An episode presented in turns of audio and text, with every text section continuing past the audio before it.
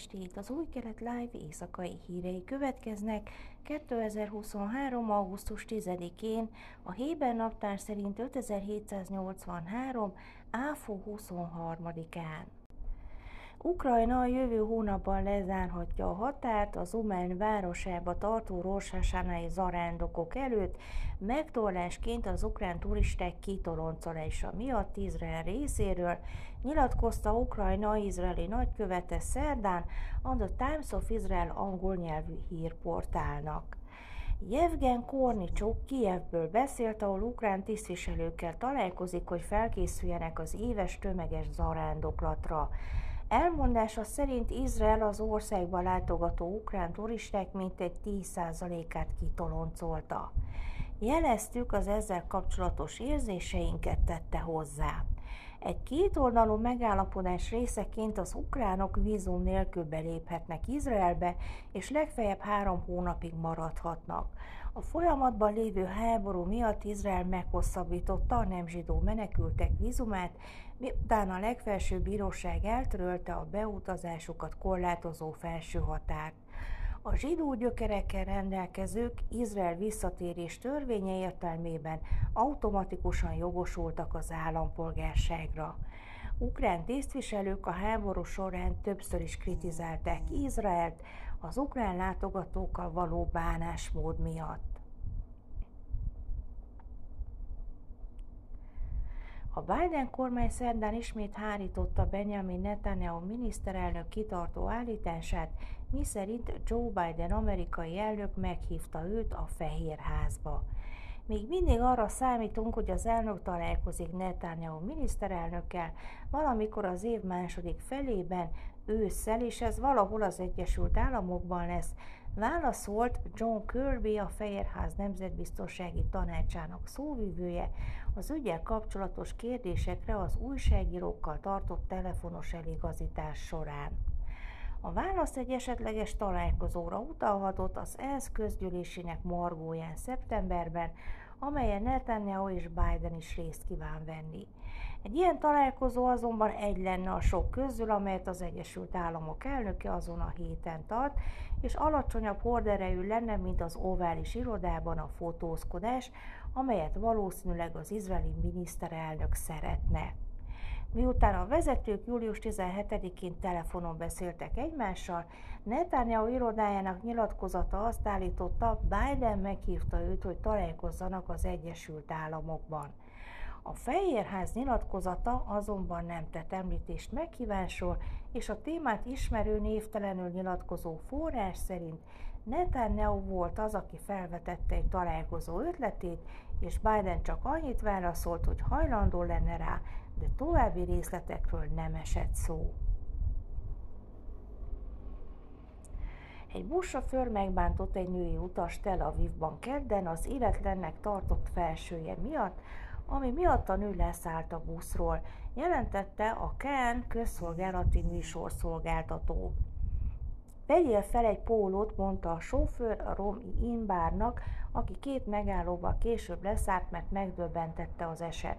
Nem mászkálhatsz, így tette hozzá a sofőr, és állítólag egy másik utas is csatlakozott hozzá. Ez egy nehéz és szörnyű helyzet, mondta Imbár a Kernak nyilatkozva. A 20 éves lány szerint a sofőr kiabálni kezdett vele, amikor felszállt a busz hátulján. Nem igazán értettem, mit mond, azt hittem, azt mondja, hogy fizessek, vagy valami mást. Aztán az egyik utas azt mondta, hogy azt szeretné, hogy vegyek fel egy pólót. Folyamatosan mondogatta, hogy biztosan meghalljam. Nem tudtam, mit tegyek. Imbár hozzátette, hogy az egész busz csendben volt, kivéve egy anyát, aki azt mondta a sofőrnek, hogy a lány azt viselhet, amit csak akar. Amikor leültem, teljesen megalázottnak éreztem magam, mondta, közzétettem egy Instagram sztorit, és most pedig nyilatkozom az esetről, mert ez más lányjal nem fordulhat elő. A Dán busztársaság közleményében azt írta, ha bármelyik utas kényelmetlenül érezte magát, elnézést kérünk. A védelmi vállalatok Defense News százas rangsorolásában Izrael három legnagyobb védelmi vállalata, az Elbit Systems, az Israel Aerospace Industries és a Rafael Advanced Defense Systems idén javított pozícióján. Az Elbit Systems Izrael vezető védelmi vállalata az idei értékelés szerint növelte előnyét, azaz a tavaly évi 5,511 milliárd dolláros bevétellel 10 helyet javítva a 21 ugrott előre, ami 4%-os növekedést jelent a korábbi 2021-es évhez képest, és amelyből mintegy 90%, vagyis 4,972 milliárd dollár a védelmi értékesítésből származott. Az Elbit olyan világhírű cégeket előzött meg, mint a Rolls-Royce, és közelebb került a francia Dassault légitársaság bevételéhez. Az Aerospace Industries a 37-ről a 29.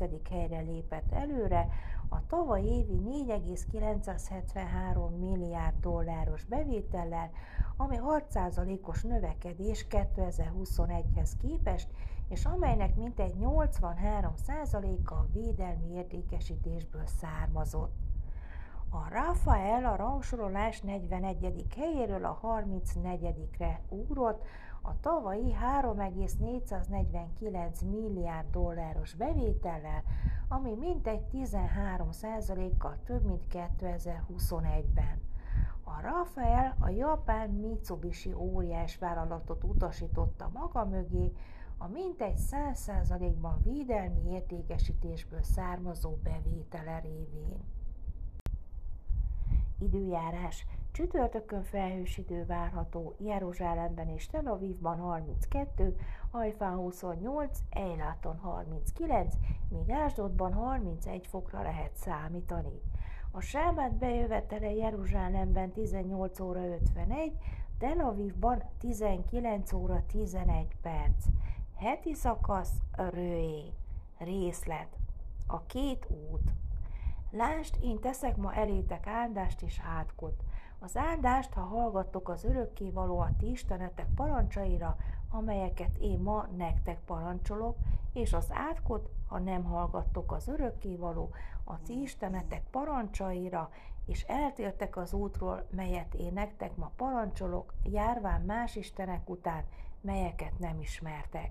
És lesz, ha bevisz téged az örökkévaló a te istened az országba, ahova bemész, hogy azt elfoglaljad, akkor add az állást a Gerizim hegyére, az átkot pedig az Évol hegyére. Nem, de azok a Jordánon túl vannak a napnyugat felé vezető út mögött, a Kánaáni országában, aki a síkságon lakik, Gilgállal szemben, törgyei mellett mert ti átvonultok a Jordánon, hogy bemenjetek elfoglalni az országot, melyet az örökkévaló, a ti istenetek nektek ad, ha elfoglaljátok és laktok benne. Akkor vigyázzatok, hogy megtegyétek mind a törvényeket és rendeleteket, melyeket én ma elétek teszek.